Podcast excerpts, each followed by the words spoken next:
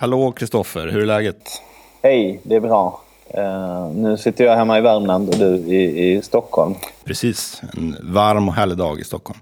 Du, uh, jag tänkte, har du fått några kommentarer på tidigare avsnitt? Ja, uh, en hel del människor hörde av sig och var arga när, jag hade, när vi hade intervjuat i Almedalsavsnitten så pratade vi med Svenskarnas parti. och då har jag fått höra att vi pratade med dem som om de var Sverigedemokrater. Eh, det vill säga lite sådär helgrasister som mest är lite kritiska eh, till islam och sådär. Medan Svenskarnas parti är ju liksom omdöpta eh, nynazister helt enkelt. Ehm, och det borde vi ha ställt på dem för. Pratat om invasionen av Polen och sånt där istället för varför kan det inte få komma och bo folk i Sunne? Vi behöver ju befolkning. Men kan inte våra lyssnare göra den bedömningen? Han får ju prata och folk får göra en bedömning. Alltså, kritiken var helt enkelt varför behandlade du honom som om han var en sverigedemokrat? Svaret är nog att jag hade ganska dåligt med koll på hur mycket nazister de ändå är, de där svenskarnas parti. Ja, det framstod väl ganska tydligt när han började prata om att han tyckte det var sekundärt om eh, 2000 etniciteter hamnar i krig så länge svenskarnas intressen går först. Ja, jo, jag, jag tycker också det. Eh, och sen så tycker jag det där med att få full cred som nazist utan att ha startat krig eller invaderat länder och sånt. Det tycker inte jag man ska ha. Det är lite som att säga att man är vegetarian fast att man liksom äter kött. Det, ska man vara riktig nazist då tycker jag då får man göra något mer än att bara säga fula ord på torget i Sjöbo. Utan då, då tycker jag, då, måste, då, då, får man fan starta krig. Och, de nazisterna vi har i Sverige är inte så tuffa tycker jag. Alltså. När vi gjorde den där intervjun så passerade det en partiledare som gav mig onda ögat. Så bara att stå där och intervjua honom var tillräckligt eh, illa tydligen. Eh, eh, dagens eh, avsnitt det är ju Benny Lindholm, eller hur? Precis. Liberala studenters ordförande. Vi eh, kommunicerar lite dåligt där, men vi får se om lyssnarna eh, förstår vad vi var ute efter. Kan ha varit onödigt hård mot dig och du kan ha gett dig in i ett resonemang om kulor i en burk som ingen fattar. Så om det är någon av lyssnarna som fattar så hör gärna av er och berätta vad Tobias menar för mig så att jag, så att jag också fattar. Det är ju en regel man kan bära med sig i livet, att det är smart att tänka först, sen pratar man. vi ska säga som vanligt så presenteras vi i samarbete med Dagens Nyheter och eh, i detta avsnitt presenteras vi också tillsammans med Järnkontoret, alltså stålindustrins branschorganisation. Då kör vi. Jajamän, då kör vi.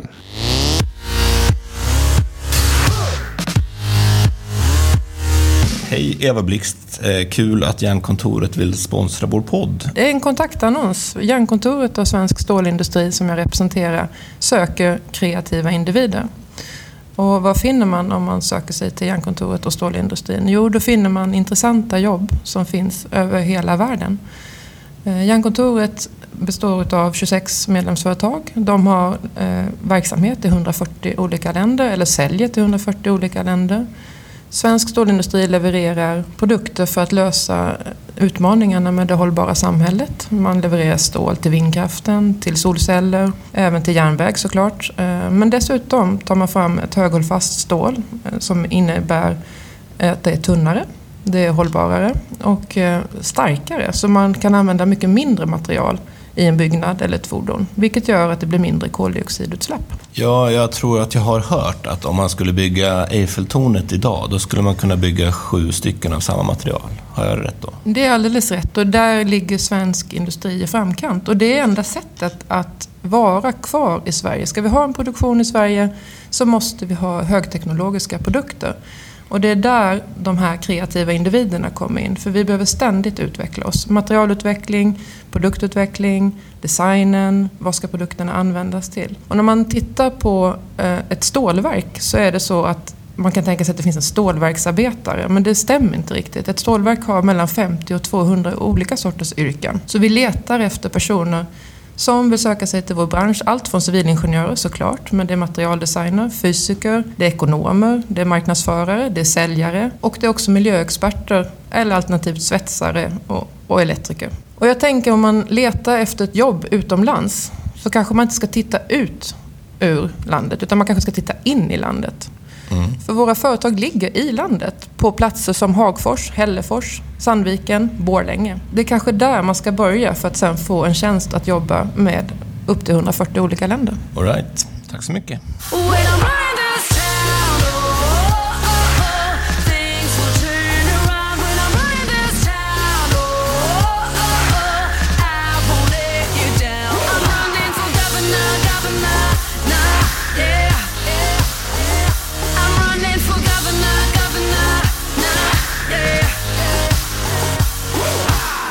När man köper en tv är man mån om att få en bra tv för pengarna.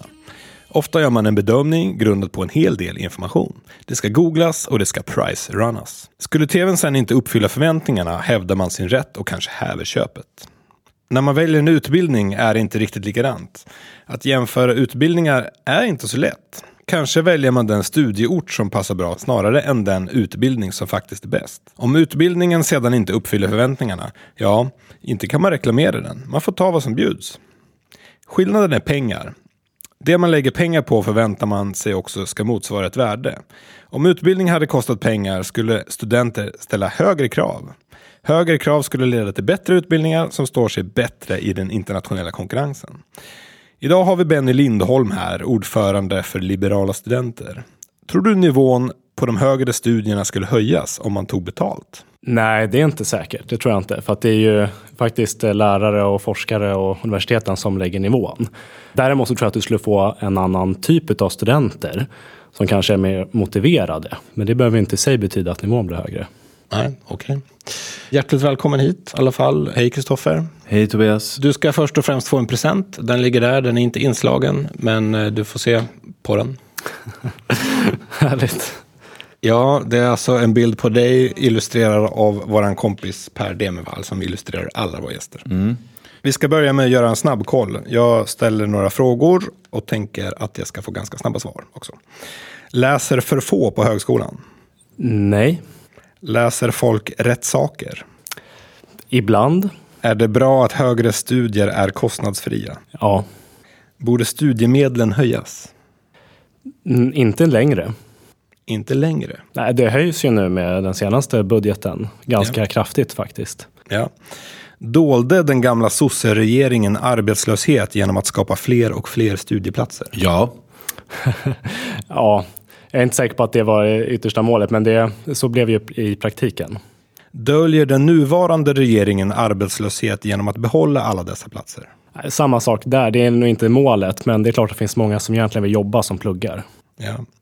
Håller svenska högre studier god klass internationellt sett?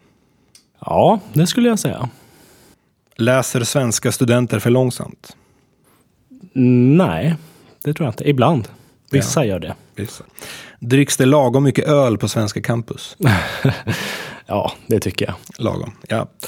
Coolt, då har vi tagit pulsen på dig lite snabbt. Jag tänker att vi ska um, kolla in lite vem du är.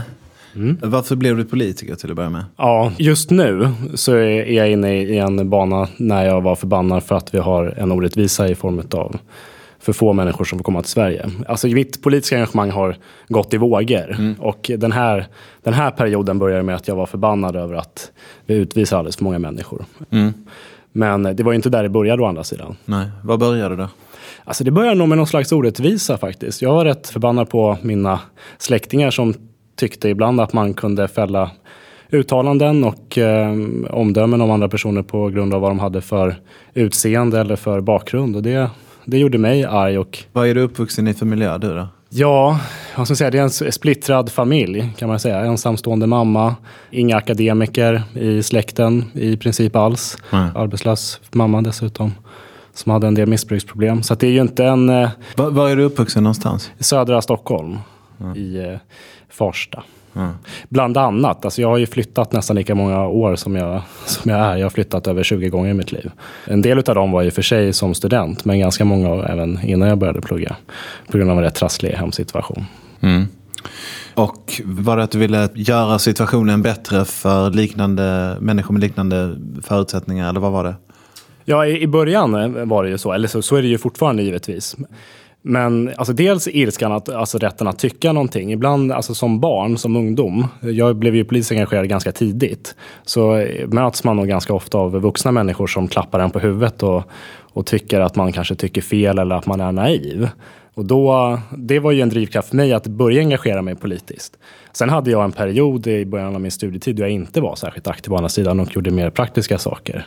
Drev till exempel en läxhjälp i en annan Stockholmsförort för att hjälpa eh, de som gick på mellanstadiet där att, att klara läxorna och få bra betyg. Så det, jag skulle säga så att det finns inte en klar tidpunkt när jag börjar vara politiskt engagerad utan det, det går lite i vågor som livet i övrigt. Varför blev det just eh, Folkpartiet? Ja, eh, i början var det faktiskt en slags uteslutningsmetod ska jag nog säga. Alltså jag, jag samlade in material från alla, alla politiska ungdomsförbund som fanns när jag blev medlem. Och valde det som jag tyckte attraherade bäst. Det, det stod mellan två stycken och eh, det ena var ju uteslutet och då, då valde jag Liberala ungdomsförbundet istället. Vad, vilket var uteslutet? Det andra paradoxalt nog var Ung Vänster faktiskt som lockade mig. För de, de har ju också rätt mycket känsla oftast i, i sin politiska uttryck. Och det, det lockade mig ganska mycket. Jag förstår precis vad du menar. De är också intellektuellt hedliga, de har också tydliga målbilder. De är inte alltid intellektuellt hedliga, men om man jämför med Socialdemokraterna så hänger resonemangen oftare ihop. Sen om det bygger på felaktiga premisser, det är en annan sak. Men det hänger i alla fall ihop eh, inbördes. Så att säga. Men var du en arg ung man? Periodvis var jag nog det. Jag sa vad jag tyckte när diskussionen väl kom upp och det var väldigt sällan jag upplevde att andra höll med mig. Så på det sättet var jag ju arg. Var du duktig i skolan? Ja, eller inte i början, men jag blev det. Alltså, jag flyttade ju ganska många gånger. Mm. Och när jag flyttade från sexan till sjuan, i sexan så var jag väl en, ja, lite bättre medelsnittet, men mer på medel. Och i den sjunde klassen jag flyttade till låg ute på, utanför stan och där låg de lite efter, kan man nog säga. Så att jag hade ett försprång då, när jag kom från Stockholm. Just det. Och då fortsatte jag på det. Så att sen dess har det ju gått väldigt bra för mig rent studiemässigt, det får man ju säga. Vad exakt var det som lockade med luff egentligen? Ja, de hade, jag kommer ihåg det väldigt tydligt. De hade ett material som beskrev samhället som en slags cirkus. Hur, hur fånigt det nu än låter. Och det var alltså att människor ska kunna hoppa i trampolinerna och gå på lina och så. Och det ska inte finnas något tak för vad, vilka galna saker man kan göra. Men under finns alltid ett, ett skyddsnät vet, som de kan ramla ner på på cirkus. Och den, den bilden lockade mig väldigt mycket. Alltså att det, det ska inte finnas någon gräns för ens egna förmågor. Och att samhället eh, och de institutioner vi har ska hjälpa människor att göra det. Men, men, men inte begränsa dem. Och det, det blev en inkörsport för mig i liberalismen. Men hur tycker du att det är nu? Har vi ett skyddsnät och har vi tak? Eller? Ja, alltså, skyddsnätet finns där, det får man ändå säga. Alltså det, det Socialdemokraterna har gjort, eh, som har styrt den stora delen av Sverige sedan vi blev en demokrati, de byggde ju ändå på något sätt eh, studsmattan. Sen så hade väl de ett tak också. Och det har vi börjat plocka bort nu ganska mycket tycker jag. Men, men på, alltså det är klart vi har ett, ett grundläggande skyddsnät i Sverige och det är det som gör oss ganska framgångsrika. Vad kandiderar du till? Jag kandiderar till riksdagen eh, för Uppsala län. Mm, för Uppsala län. Och vad har du för förtroendeuppdrag nu? Ja, dels är jag ordförande för Folkpartiets studentförbund, Liberala studenter. Eh, sen har jag också ett eh, kommunpolitiskt uppdrag i Uppsala i motsvarande socialnämnden där. Just det, vad heter socialnämnden där då? Den heter Nämnden för hälsa och omsorg. Okej, vad, vad, hur ser en vecka ut där då? Vad gör du? Ja, nämnden träffas ju en gång i månaden, så, att det, men, så det går ju väldigt mycket i vågor. Men du sitter inte i fullmäktige då? Nej, Man behöver alltså inte sitta i fullmäktige för att sitta med i den här nämnden? nej. Okej. Och vad är meningen med ett studentförbund? Det finns ju ungdomsförbund. Varför ska det finnas studentförbund också? Ja, därför att de som är i studieåldern, som pluggar på universitetet, eh, är inte alltid lockade av ungdomsförbundens verksamhet. Så ni ska vara en tratt då? Ni, ni är liksom den hemliga organisationen som ska tvinga in dem i, i tratten? Eller? Precis, locka in dem. Nej, men, men alltså studenter har ka- kanske behövs eh, en annan typ av ska man säga, marknadsföring om man ska låta lite så. Men det- studenter har dels olika intressen, kanske tänker lite annorlunda och lockas av andra saker.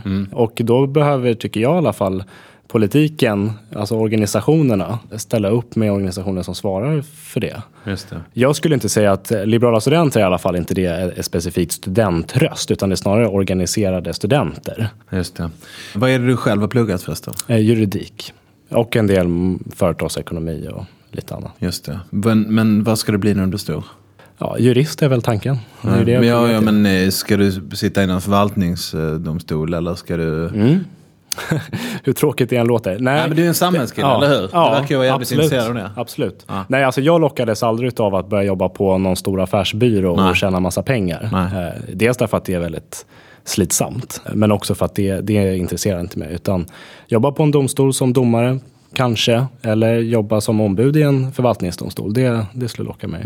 Eller det lockar mig. Mm. Ja. Det är inte riksdagen som lockar alltså? Jo, det gör jag. Men jag, jag ser inte framför mig just nu att jag ska vara politiker resten av livet. Alltså jag vet ju att mitt politiska engagemang hittills har varit gått i vågor lite. Och jag tror att det kan vara så framåt också. Så att jag vill ha en civil karriär dessutom. Det finns många framgångsrika jurister som eh, sitter i riksdagen och sen så har de eh, advokatkontor i LO-borgen någonstans. Det är en vanlig modell. Det kanske behövs en liberal jurist i LO-borgen, vad vet jag? Absolut, det tror jag skulle vara en jättebra idé. Jag tror att det kommer få svårt att genomföra det. Men eh, ni kanske kan ha någon i, jag vet inte, i Riddarhuset eller någonstans. Kanske det kan finnas en liten lokal närhet där till eh, Riddarholmen. Det skulle vara bra. Men det- studentförbundet då, ni engagerar alltså inte bara i studentfrågor utan det är f- folkpartisterna som är studenter träffas här. Är det mer så eller? Ja, eller liberaler som är studenter. Eh, en del Även centerpartister som är med alltså? Nej, det, det har vi inte. Men alla våra medlemmar är inte medlemmar i Folkpartiet. Nej, okej. Nej, just det. Det Okej. måste man ju inte vara. Nej, just det. Nej, Okej. Men ni eh, har ett nära band. Ni får Det också får man ändå där. säga. Ja. Ett väldigt nära band. Du, vi nämnde ju Centerpartiet här. Ibland så har vi rätt ut vad som är skillnaden mellan olika partier. Folkpartiet och Centerpartiet bör ju vara ganska lika varandra om man tittar på pappret. Men ni verkar ha väldigt svårt för varandra. Vad, vad är skillnaden och varför kan ni inte samarbeta? Alltså, jag är inte säker på att vi bör vara lika varandra på pappret eh, till att börja med. Men ni kallar er liberaler båda två. Men alltså det, det gör stora delar av Sveriges befolkning också. Alla röstar inte på oss uppenbarligen. Så att, men, men, men absolut, det finns ju väldigt, eh, väldigt många likheter mellan partierna. Men jag tror att det handlar om historia. Alltså man ska inte underskatta hur organisationerna ser ut och fungerar och vad man, vad man gör. Jag upplever ändå Folkpartiet och Liberala Studenter och LUF som mer akademiskt lagda och mer inriktade på politiken medan Centern, från vad jag kan se utifrån, är betydligt bättre på organisation och eh, sociala aktiviteter. Och det, det drar ju till sig lite olika typer av människor tror jag. Och säkert en del olika slutsatser, för det finns ju likheter också. Torbjörn Fälldin sa på 1900-talet att om inte Centerpartiet och Folkpartiet går ihop, då kommer Moderaterna bli det stora partiet. Ja, han fick ju rätt, det får man väl säga. Tycker du att Centerpartiet och Folkpartiet borde ha gått ihop? Ja, numera är jag nog mer inne på den linjen. Jag har inte alltid varit det. För att jag tror att det finns en risk att det också kanske dödförklarar den liberala rörelsen i Sverige om vi ska hålla på med organisatoriska frågor snarare än politiska frågor. Men eh, vi blir ju mer och mer lika tycker jag. Alltså jag, jag tycker inte det finns så stora skillnader nödvändigtvis mellan ungdomsförbunden och studentförbunden. Däremot mellan partierna tror jag det finns ganska stora skillnader fortfarande. Så det är nog bara en tidsfråga. Mm, intressant.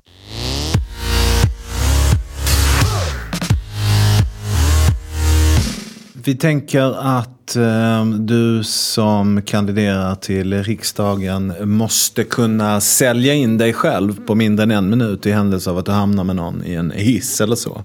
Så vi tänkte att du skulle få öva på din hisspitch här. Eh, Och eh, din, du får en Det är minut en väldigt på dig. lång hiss om man ska åka en minut. Men det, En minut. Ja, men det finns en del höga hus eh, här i storstadsregionen, bland annat i Kista. Och eh, du får en hel minut på dig. Klarar du det på kortare tid så ja, då, eh, då får du pluspoäng i kanten. Men din minut, den börjar nu. Sveriges riksdag behöver någon som sätter forskningen och högre utbildningen i fokus och inte låter universiteten och forskningen och studenterna vara någon slags brickor i ett arbetsmarknadspolitiskt spel eller ett regionalpolitiskt spel eller ett innovationspolitiskt spel. Och eh, det saknas i riksdagen idag. Våra universitet och högskolor har mer blivit någon slags tangenter på ett politiskt spelbord än vad de faktiskt är. Forsknings och bildningsinstitutioner. Och det tänker jag göra om jag blir invald i riksdagen. Bra, snyggt. Ja, det var bara tre våningar i ett genomsnittligt varuhus. Folk orkar inte lyssna hela vägen ändå. Vet du. Nej, men det är fan bra.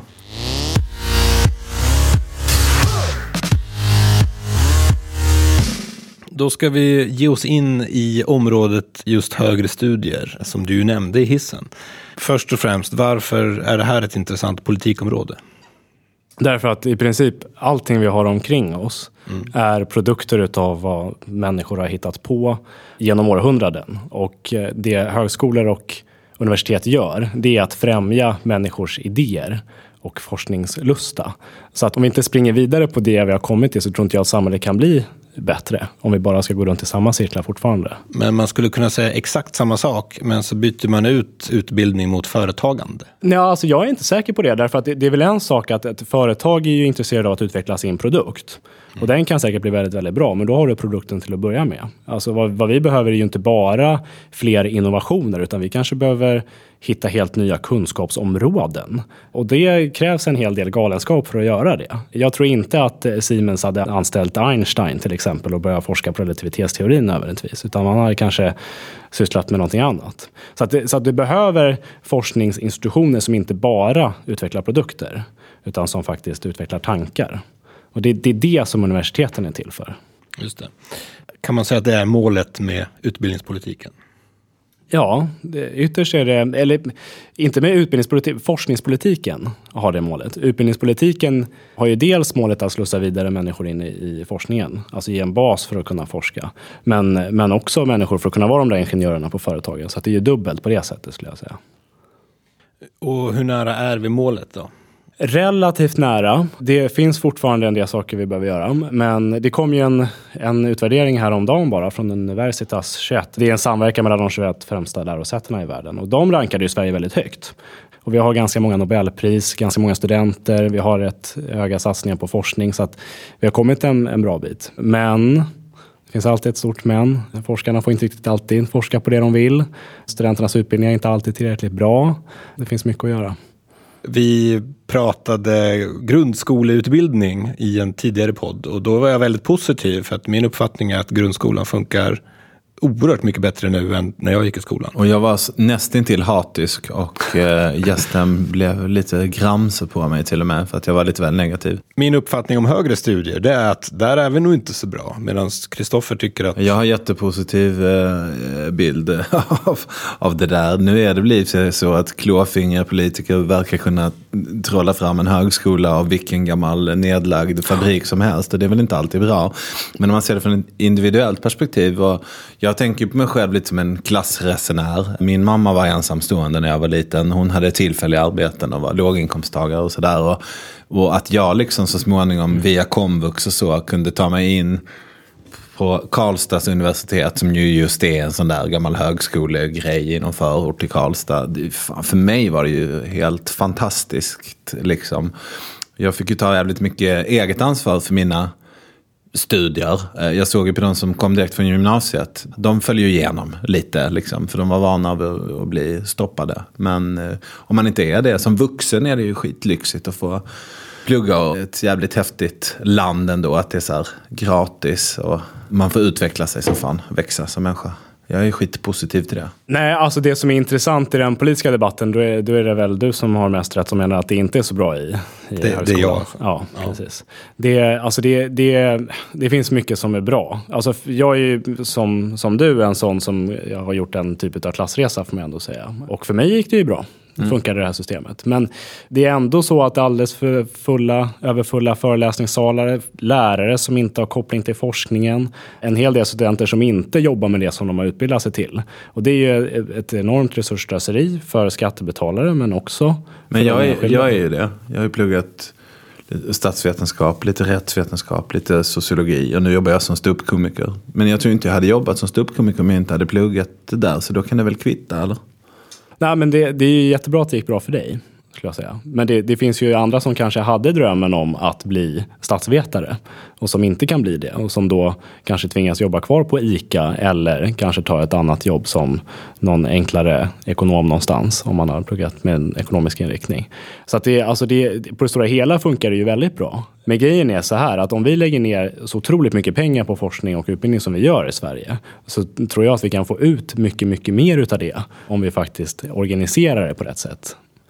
Och idag är det fortfarande någon slags universitetsmyndighetsmentalitet och en slags byråkratifest i de här skolorna. jag, jag gillar ju decentralism. Eh, Jag tänker ju att organisationen ska komma underifrån. Alltså studenterna avgör. Gärna med något slags ansvarstagande. Vilket ju är väldigt komplicerat att säga att det kanske borde kosta någonting också. Men de här som organiserar, vad gör de för fel? Nej, alltså, dels för att de inte tillåts organisera fortfarande. De allra flesta universitet och högskolor som är myndigheter som är då reglerade i ganska stor utsträckning och bundna av vad regeringen säger. Och det har sina fördelar, men det gör att de inte tillräckligt snabbt kan rekrytera en klyftig forskare om de vill och, och på det sättet kan svara mot den internationella forskningsvärlden som finns. Det finns ju fortfarande rätt mycket hinder där. Och sen så tyvärr, det är så att i högskolelagen och högskoleförordningen så ger man också ganska mycket makt till rektor idag. Det är ju allt annat än den där decentraliseringen som du pratar om. Och rektor kanske är jätte, jättebra på ett universitet. Men hon eller han ska inte styra allt. Eh, Så jag tycker också att man ska ge tillbaka makten till studenterna och forskare. Och det, det är inte de som har den idag. Ja, vad är rektorns incitament? Vad, vad drivs en rektor av? Ja, det är nog olika. Vissa drivs nog väldigt väl av att man ska få ett bra forsknings. Och då kanske man satsar väldigt mycket på forskning och vissa kanske fokuserar på studenter. Men det, men alltså det, är, ju, det är ju lite fel. Alltså ett universitet kan inte vara som ett stort företag där du har en vd som på något sätt riktar ut eh, inriktningen. Utan det är ju, om vi ska komma tillbaka till det här att det är tanken och de nya idéerna och forskningen som ska stå i fokus. Då måste ju makten ner till eh, ännu mer till de enskilda forskarlagen och de enskilda lärarlagen att i större utsträckning lägga upp utbildningarna och, eh, och forskningen. Och det, så ser det ju inte ut idag, utan det är ju mer ett gigantiskt maskineri. Nu kan jag ju ha fel, va? men jag har förstått att ett universitet eller en högskola får ersättning för elever som är lika oavsett om det är en kurs som kanske leder till jobb eller en kurs som kanske mest ses som förströelse av studenten. Det kan alltså finnas ett incitament hos en rektor att starta massa kurser som folk tycker är kul att gå, men de kanske egentligen inte har någon samhällsnytta. Jag vet inte riktigt varför den rektorn skulle göra så. Jag- tror inte att det är så. För det första så är det ju så att det är differentierat med ersättningarna mm. beroende på vad det är för akademiskt område. Och eh, de allra, allra flesta pengarna idag går ju faktiskt till olika utbildningsprogram och inte till kurserna. Men, men jag, jag, menar, jag, jag tror att frågan är felställd faktiskt. Därför att det är inte så att man kan sitta på ett universitet och veta exakt vilken utbildning som leder till jobb. Om man ska prata om fristående kurser. Utan kurserna är ju till för att kanske bredda en students intressen eller kompetens när man väl ska ut på arbetsmarknaden och kan vara nog så intressant ändå. Jag, jag tror till och med att vi kanske ska ha fler fristående kurser som är lite skilda på det där sättet. Men, men problemet idag är ju framförallt forskningen skulle jag säga. För att alltså det, I svensk högskola idag är, där har vi vattentäta skott mer eller mindre på många ställen mellan utbildning och forskning. Och det är det som gör utbildningen dålig primärt. Att alltså lärarna inte är forskare och forskarna inte undervisar. Och att forskarna inte får bestämma vad de ska forska om. Att lärarna inte är forskare, det är lätt att förstå. Det är lättare att hitta lärare om man även kan anställa folk som inte är forskare. Men varför undervisar inte forskarna? För att du har ju anställt lärare som fixar det tror jag. Det, det är Alltså, I samma hus så sitter det doktorander som inte träffar studenter och lektorer som inte forskar. Ja, jo det. Men alltså, det är organisationen återigen. Alltså, så här, i, I svenska universitet så Men har är det oftast- idealet som avviker från ditt? Eller vad är det som är... Jag fattar inte grejen. Nej, alltså i, i Sverige så separerar man ju i ganska stor utsträckning högre utbildning från forskning. Alltså forskning är någonting som universitet ska syssla med och parallellt med det ska man sköta undervisning. Ja. Alltså min grundtanke med ett universitet är att det där, de där två sakerna hänger ihop. Ja. Och i Sverige har det organiserat det så att du har utbildningsfakulteter och forskningsfakulteter i ganska stor utsträckning. Så att du har ju till och med organiserat isär de här två grejerna. Och det tror jag i kombination med att eh, man kanske vill styra forskningen allt för mycket i Sverige idag gör att professorerna sitter och forskar och doktoranderna och lektorerna sitter och undervisar. Och sen så är de inom sitt varsitt fält istället för att den bästa professorn faktiskt möter studenter också. Och det får ju dubbla konsekvenser. Det är därför dels tror jag att forskningen blir sämre, men det blir också sämre för studenterna, för de får ju inte de bästa lärarna. Men det där hänger ju ihop med, tror jag, att, att vi har en tanke på högre utbildning i Sverige som just högre utbildning för arbetsmarknaden i allt för stor utsträckning. Att vi inte tänker på högre Som utbildning. yrkesutbildningar. Ja, precis. Visst. Ah, intressant. Apropå det här med att man eh, inte vet vad som kommer efterfrågas i framtiden. Jag hörde ett exempel häromdagen. Lägger man eh, 10 000 kulor i en, en glasburk och så låter man massor med folk gissa hur många kulor det är i. Så gissar de till slut rätt om du bara frågar tillräckligt många människor.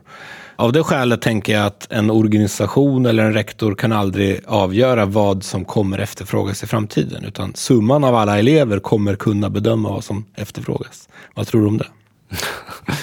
Ja, och alla de som efterfrågar fel på vägen då, de, de ska vi inte bry oss om. Eller jag förstår inte riktigt. Nej, men, menar du att om eh, tillräckligt många människor får gissa så kommer i slutändan någon att råka gissa rätt? Är det det du menar? Nej. Nej, du menar att om tillräckligt många människor samarbetar kring ett ämne så kommer man den gemensamma kunskapen, gemensamma kommer närmare sanningen än ett geni eller en utmärkt rektor. Det finns ju en bredd idag. Det finns ju folk som läser till sjuksköterska och det finns folk som läser till kulturvetare. Och det kommer det ju finnas även i framtiden. Det som är rätt, det är ju varje persons enskilda val. För att eh, även om det finns en större eller mindre efterfrågan på ett visst yrke så, så kommer ju det inte betyda att alla måste läsa till ett visst yrke. Mattias Sundin, han hade ju ett exempel om en ko. Folk skulle gissa hur mycket den vägde. Och frågar du bara tillräckligt många människor så får du ett medel som ligger oerhört nära. Ett medel, just det. Ja. Nej, men det blir en statistisk effekt. Alltså det, det är väl det det blir framförallt. Det jag menar att det, det där exemplet, om jag fattar det rätt, vilket jag inte är säker på, så är det ju att på pappret kanske det ser rätt ut, men i praktiken så blir det ju en väldig massa som har gissat fel också. Varför kan vi inte konkurrera med Stanford och MIT i Sverige? Om vi jämför med Stanford, och Berkeley, MIT och dem så har ju de kopplat ihop undervisning och forskning i mycket större utsträckning. Sen så handlar det också om, tror jag, återigen att eh, lärosätena är alldeles för hög utsträckning styrda utav lagar och regler och eh, i praktiken utav eh, regeringens inriktning. Det finns inte möjligheter för lärosätena att på något sätt kramas ur den statliga tvångströjan och, och välja sin egen väg. Jag jobbar ju med tv. Jag gör tv-program och inom humor-tv-programmen.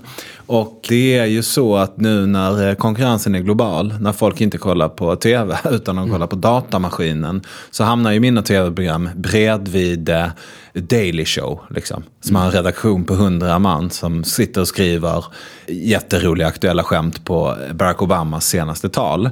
Om jag då med mina tre kompisar ska sitta och skriva skämt på samma grej så kommer vi liksom inte, våra skämt kommer inte bli roligast. Vi kommer inte ha flest skämt, vi kommer inte komma ut med dem snabbast. Så därför så måste ju vi som jobbar med humor-tv i Sverige helt enkelt acceptera att vi får prata om svenska saker. För där är det ingen konkurrens.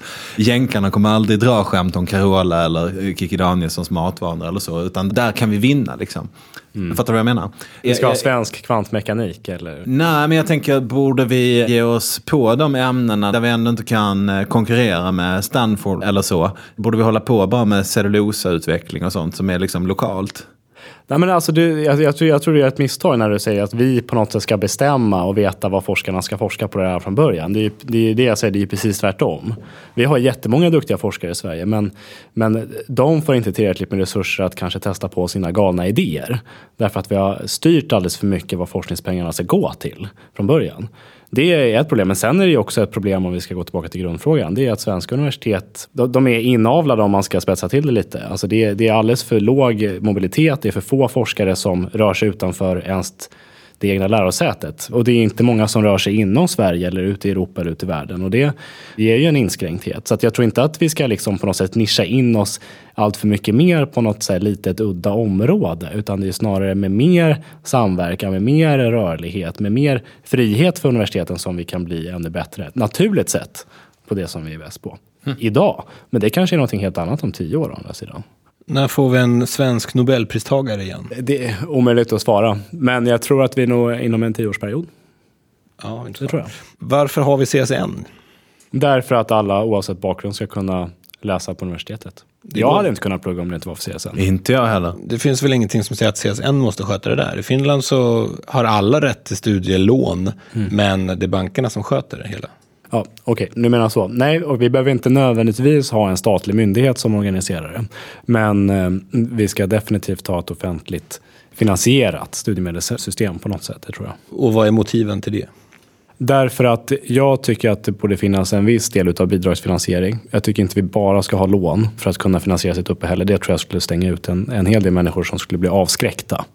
Jag hade blivit avskräckt till exempel. Där behöver vi ju ha staten på något sätt inblandat. Om man jämför med Finland, där väljer många att bo kvar hemma just för att slippa ta studielån. Är inte det bra? Eller? Nej, eller så här, jag, jag hade inte velat bo kvar hemma. Nej. nu flyttade jag i och för sig ganska tidigt ändå, men eh, innan jag började plugga till och med. Så att det, det behöver inte vara så. Men eh, alltså, vu- vuxna människor ska väl kunna få utvecklas i den riktning man vill. Och att ha en egen bostad är en ganska... Man vill inte ha morsan som springer runt precis när man ska ha sin, sin förfest inför tentafesten. Nej, jag förstår. Men det är också en mycket större andel av finnarna som jobbar vid sidan om pluggandet Mm. än vad svenska studenter gör. Då kan man ju flytta hemifrån. Men man behöver inte belåna sig över huvudet. Alltså, jag är inte säker på att det är just att vi har ett studiebidrag på ett par tusen kronor i månaden som gör att folk inte jobbar. faktiskt. Utan jag, jag tror att det är andra saker som, som lägger hinder i vägen för det. För jag, menar, jag, jag tog studiebidrag, jag maxade ut allting och jag jobbade också. Och det var inte så att jag satt hemma och räknade på hur stor andel av mitt studiemedel som var bidrag som gjorde att jag inte jobbade eller inte. Jag tror att folk faktiskt att bidragsdelen är högre i Finland. Så det, det är själva lånet folk försöker undvika. Ja. Ja. Finns det ett egenvärde i lärandet eller ska lärande motsvara den insats som samhället står för? Hur menar du då? Ska man räkna strikt ekonomiskt? Måste varje student betala tillbaka sin skuld till samhället eller finns det något högre syfte med? Ja, ja och ja. Alltså det är klart man ska betala tillbaka sina skulder. Men det är ju inte för att eh, staten ska få in räntepengarna som vi har studielån. Så att det grundläggande är ju att, att man ska lära sig. Jag tänker så här att eh, om jag pluggar någonting som jag aldrig kommer att ha nytta av i arbetslivet, då har ju det samhälleliga gjort en dålig investering. Mm, ja, kanske. Tycker man att alla studier ska löna sig för samhället eller finns studierna för den enskildes skull? Nu tänker Tobias på en sommarkurs i genusvetenskap tror jag. Den tror jag skulle gynna samhället däremot. Men det, det finns väl andra exempel säkert. Men, eh, nej, men det, det är väl klart att det är för det enskilda lärandets skull. Alltså det, det är ju, jag menar, människor fungerar nog så ut, utgångspunkten tror jag, att man väljer att göra saker som man tror är bra för en själv. Och inte nödvändigtvis för det aggregerade samhällsintresset. Nej, så tänker ju inte den enskilde givetvis. Men, men studiesystemet fungerar ju så att vi betalar det gemensamt. Då tänker man ju kanske att systemet borde vara utformat så att det gemensamma också får så mycket som möjligt tillbaka. Fast det får ganska mycket tillbaka redan idag. Så jag är inte riktigt säker på att jag vet var du vill komma någon vart. Men det finns ju en grad av egenfinansiering redan idag att du måste ta själva studielånet och betala ränta på det. Så att det, det avskräcker ju. Men jag, jag skulle inte säga, så återigen, jag, jag tror inte att man på förhand kan veta exakt vad vi vill få ut av universitetsstudier. Så att det måste finnas en, liksom en viss mån av utrymme där vi inte riktigt vet vad det kommer leda till. Och det tror jag är bra. Det är bra därför att det motsvarar mer vad de enskilda vill. Alltså varje student. Vad, vad jag som student vill eller inte vill. Och jag tror också att det är bra för samhället på längre sikt. Därför att eh, det är trots allt någon som ska stå där och undervisa och det är en student som ska faktiskt sitta där i föreläsningssalen och ta poängen för att kunna få studiemedel nästa termin. Det skulle vara hemskt om den som har valt, kommit in på juristlinjen tvingar sig igenom skiten för att inte det finns chans att byta spår, tänker jag. Man måste ju få chans att byta. Inse att nej, jag kommer inte bli en bra lärare. Trots att jag gått en termin här på lärarprogrammet så tycker jag fortfarande om att slå barn eller vad det nu kan vara som man kommer på. Som gör att man, eller hur? Man måste ju få byta spår. Men du är hård Tobias, du gillar inte sånt. Du tycker man ska bestämma sig innan vad man ska utbilda sig till och sen ska man genomföra det och sen ska man hålla käften och lida livet ut. Jag menar inte något hårt egentligen, utan vad jag menar är att om man är utbildningspolitiker ska utgångsläget vara att man ska få tillbaka någonting för pengarna eller ska utgångsläget vara att man ska lära folk saker lite random? Det finns ju givetvis en skala däremellan. Men är det inte lite nedsättande om man säger att man börjar plugga litteraturvetenskap i en termin och sen kommer man på att jag ska bli jurist. Är då den terminen bortkastad? Finns det inget samhällsvärde? Om man inte börjar jobba i Det ett att det antikvariat så är den där bortkastad den där terminen. Nu är det vi som tjafsar här. Ja, det är men klart alltså, att jag, det fast finns jag, fast ett jag, värde av ja, det. Men fast jag tror inte att den är så svartvit. Alltså, så här, det, det är inte antingen så uppfyller man den enskilda studentens intressen eller samhällets intressen. Utan de där sammanfaller i ganska stor utsträckning tror jag. Men om du tvingas välja då, vad ska utbildningspolitikens fokus vara? Ska det vara en aggregerad samhällsnytta i slutändan eller ska det vara en individnytta? Ja, alltså, så länge vi har ett fritt näringsliv i övrigt så är det individnyttan som gäller. Ja. För att jag tror att det kommer finnas ett ganska starkt intresse från industrin i sådana fall att erbjuda andra utbildningar som leder till jobb. ja. Coolt. Det jag säger är att universiteten ska ju framförallt fylla den lucka där vi kanske inte ser ett direkt samhällsnytta. Du, eh, det finns ju många arbetslösa akademiker. Hur kommer det sig att de är arbetslösa? Dels därför att en hel del utbildningar inte håller tillräckligt hög kvalitet idag. Och inte matchar det som arbetsmarknaden behöver. Dels därför att vi fortfarande har en arbetsmarknad som nog inte riktigt är på topp. Så det är en kombination av de där två sakerna tror jag. Vi nämnde ju MIT och Stanford där. De har ju ganska mycket föreläsningar och hela utbildningar online.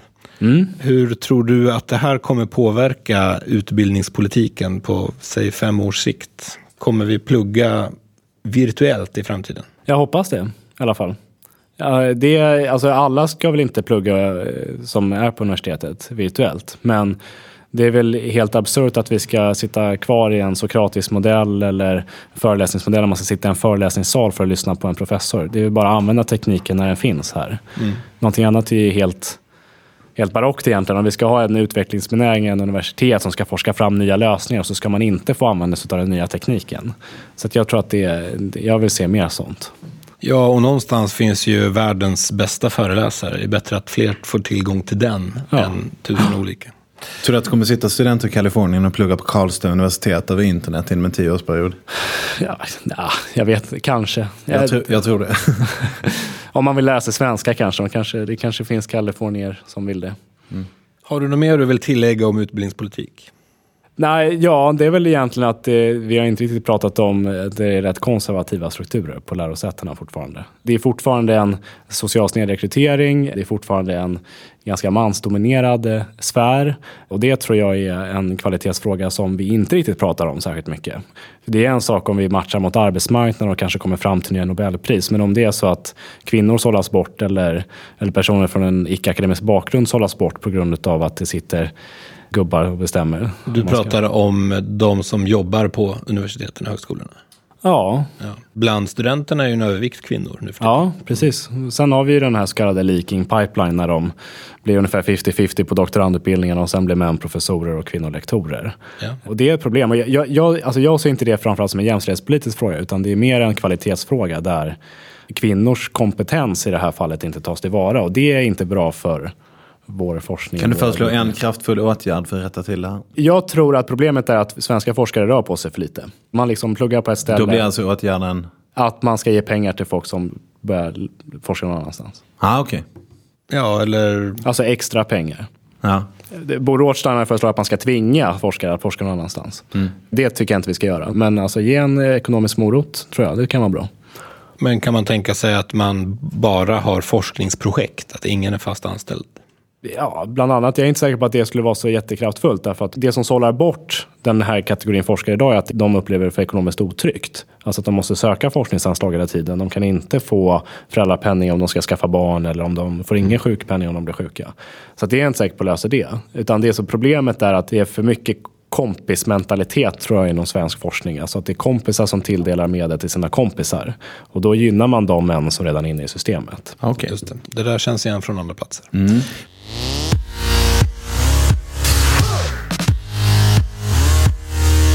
Vi eh, ska göra ett eh, moraltest.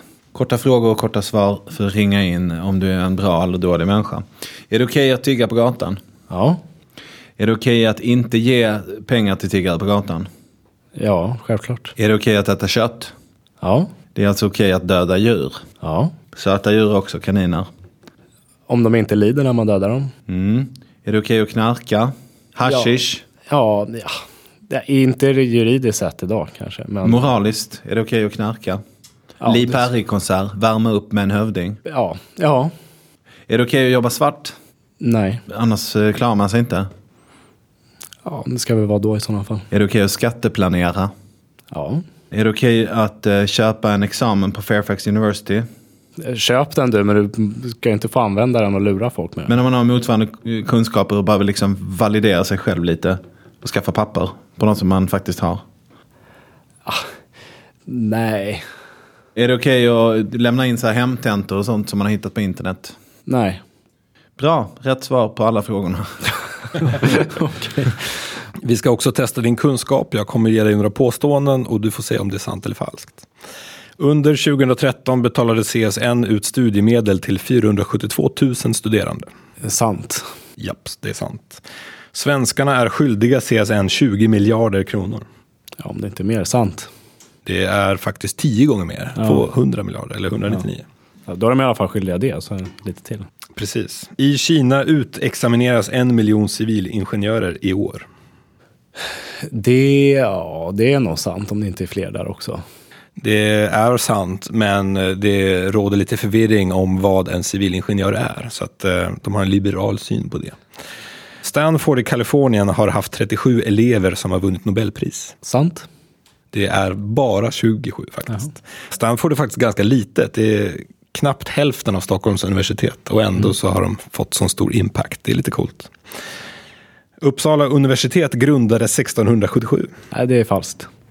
Vet du om det var tidigare eller senare? 1477. Är det sant? Det var, där får du guldstjärna. Jag har ju pluggat i Uppsala, det är klart jag kan universitetet i Det är första tentan.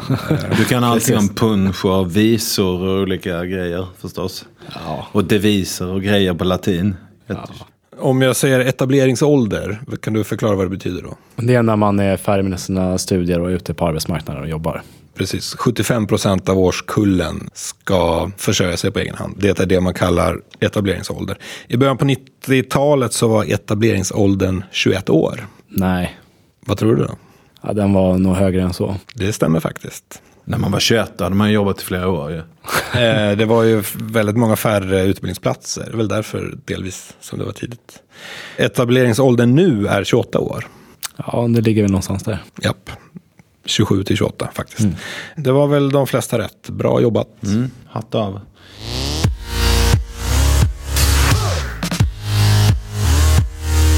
Vi har bett dig ta med en bok. Har du gjort det? Jag har valt att ta med mig Nationalekonomi för nyfikna av Gunnar Örn. Okej. Vad handlar den om? Jag tror jag kan gissa, men... Det är en väldigt, väldigt pedagogisk och enkel bok som beskriver nationalekonomiska koncept och hur samhället fungerar ur ett ekonomiskt perspektiv. Jag eh, har använt den och gett bort faktiskt eh, nu ett par gånger för jag tycker att folk borde läsa den. Kan du berätta någonting intressant ur boken? Något som folk borde lära sig? Ja, men, eh, alltså, senast när jag blev- tvungen att gå och köpa den och ge den till någon, det var någon som hade gjort en sån här valkompass på nätet och, och sagt att det fanns en motsättning mellan eh, att förbättra miljön och, och ekonomisk tillväxt. Och eh, det beskrivs ganska pedagogiskt i den, i den boken. Eh, va- varför tillväxt inte nödvändigtvis betyder att jordens resurser tar slut? Ja, bland annat. Eh, just det. Ja, jag kan... eh, Och det, det florerar ju en hel del sådana där myter kanske som människor instinktivt har om hur ekonomin fungerar. Just det. Eh, Så att, Att eh, ekonomisk tillväxt är att vi hämtar upp mer saker ur jordens inre. ja, precis. Det släpps ut mer rök ur skorstenar och sådär. Ja, det har ju inneburit det hittills, men alltså det, behöver ju inte, det behöver ju inte vara så i framtiden. Snarare behöver vi kanske mer ekonomisk tillväxt för att kunna komma i tur med de miljöproblem vi har. Just det. Då återstår bara attack för idag. Lycka till i valet. Tack.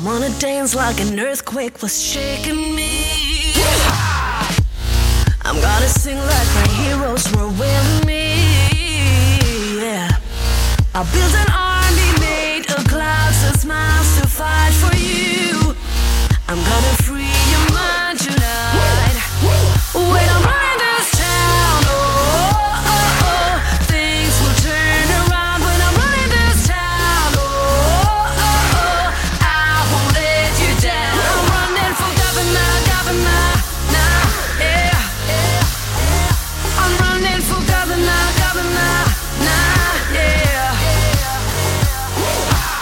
Music make us crazy. We